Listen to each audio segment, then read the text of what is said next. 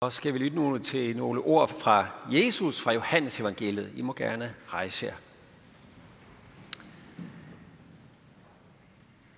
Jesus sagde, Jeg er verdens lys. Den, der følger mig, skal aldrig vandre i mørket, men have livets lys. Jeg er opstandelsen og livet. Den, der tror på mig, skal leve, om han end dør. Og enhver, som lever og tror på mig, skal aldrig i evighed dø. Amen.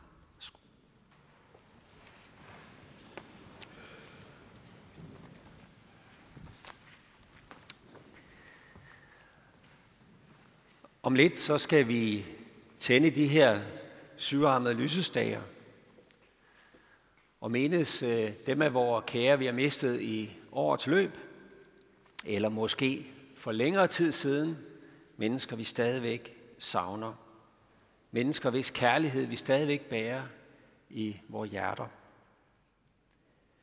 Der er nogle helt almen menneskelige grunde til, at vi gør det. Vi gør det for det første, fordi deres lys, det lys, de tændte i os, det lys, de var for os, jamen det skinner stadig i vores liv. Og vi vil gerne have, at den flamme bliver holdt i live hos os. For det andet så gør vi det vel, fordi der ligger noget næsten håndgribeligt i at tænde et lys, fordi bare det mindste lys, vi tænder, det sender mørket på flugt. Mørket, det kan vi ikke fjerne, vi kan ikke skovle det ud, vi kan ikke fryse det ud, vi kan ikke gøre noget ved mørket, andet end vi kan tænde et lys. Så forsvinder det. Og for det tredje, man kunne jo selvfølgelig godt bare nøjes med at tænde nogle pærer og tænde lys på den måde, men når vi tænder sterinlys, ja, så gør vi det jo, fordi det er levende lys. Flammen, den er levende og varm netop som ham eller hende, vi har mistet en gang var det. Derfor tænder vi lys. Og så er der også nogle mere end almindelige menneskelige grunde til, at vi gør det. Vi gør det nemlig af samme grund, som at vi altid tænder lys i kirken, når vi mødes selv ved den mindste gudstjeneste, eller hvad det nu vi er sammen til. Vi gør det, fordi Gud er lys, vi minder os om, at Gud er lys. Han er os nær med sit lys. Han er her med sit liv, og han tænder lys i vores mørke.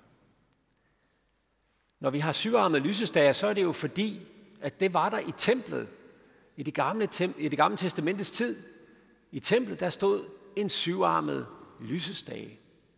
Og den skulle være tændt hele tiden, som et symbol på, at Gud er her ved sin helligånd, også selvom vi ikke kan se ham.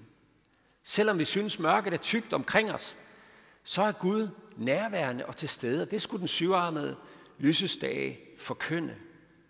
For syvtallet, det er helligåndens tal, det er ugens tal, det fuldendte tal. Guds hviles tal. Vores hviles tal. Frelsens tal. Jesus siger, jeg er verdens lys, den der følger mig, skal aldrig vandre i mørket, men have livets lys, sådan som vi læste det lige før.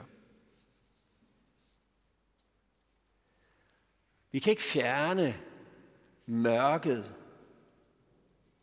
Vi kan ikke støvsuge det væk, skovle det væk eller fryse det ud, når det lukker sig omkring os, når ulykker og død rammer os, når sorg og tab det truer med at trække os ned. Men når Jesus træder ind, så tændes der lys lige midt i mørket. Det er derfor, vi samles hver eneste søndag i kirken.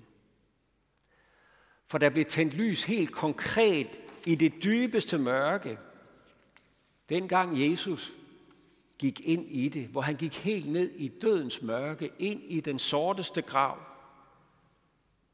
og tændte lys der, og gik ud af graven for at tage os alle sammen med den samme vej.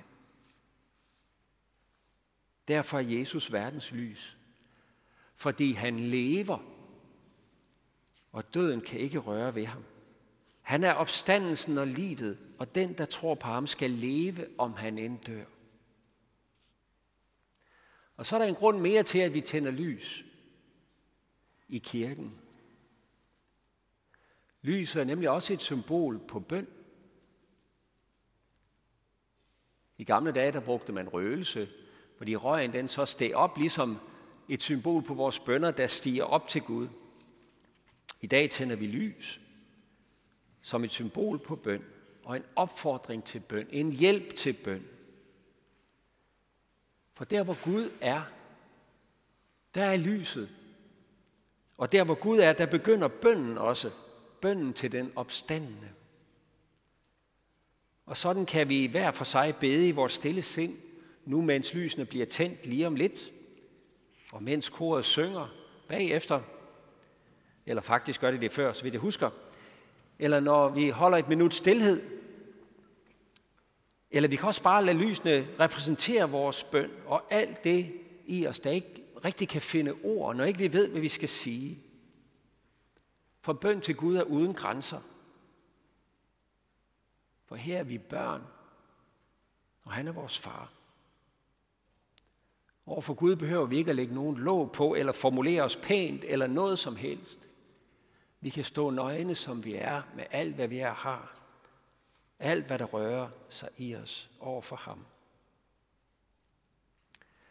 Alt det, det skal vi gøre lige om lidt, men først så vil vi lytte til koret. Værsgo.